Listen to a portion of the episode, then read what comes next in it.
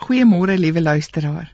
Hoe heerlik is dit om mekaar op hierdie lieflike lenteoggend te kom herinner dat God die een is wat aan ons die lewe skenk, hier en hierna.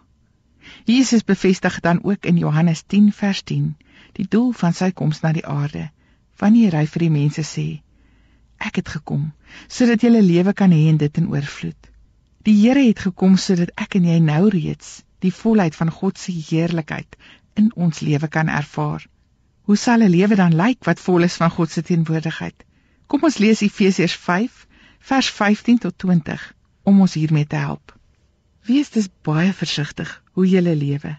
Moenie soos dwaase mense leef nie. Leef wys. Benut elke geskikte geleentheid want ons lewe in slegte tye.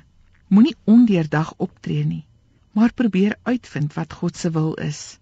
Verder Moenie soveel wyn drink dat jy dronk word nie. Dit lei tot uitspattige gedrag.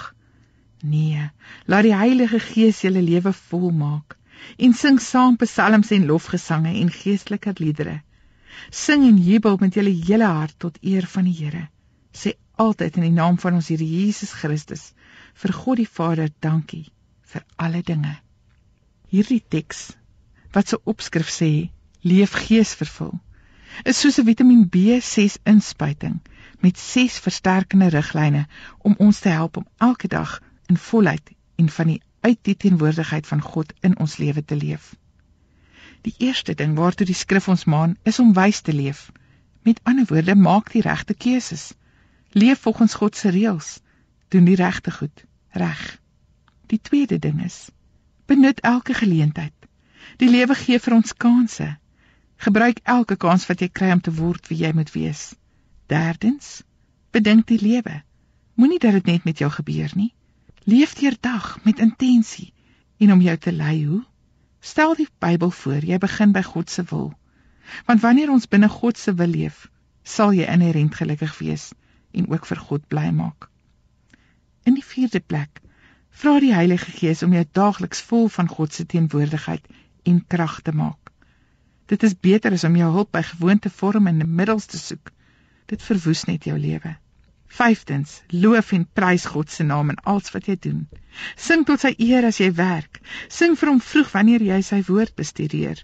Luister geestelike musiek as jy bestuur. Maar maak 'n punt daarvan om God daagliks en doelbewus te loof, veral as jy nie so voel nie.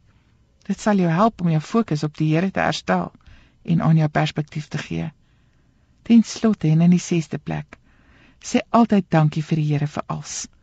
Dit sal jou herinner dat God jou liefhet, jou tot lewe geroep het en vir jou sorg. Kom ons bid saam. Here Jesus, ons Here, baie dankie dat U U lewe kom gee het. U liggaam laat sterf het sodat ons die lewe kon verkry en dit vir altyd. Mag ons lewe altyd U eer uitbundig verkondig. Amen.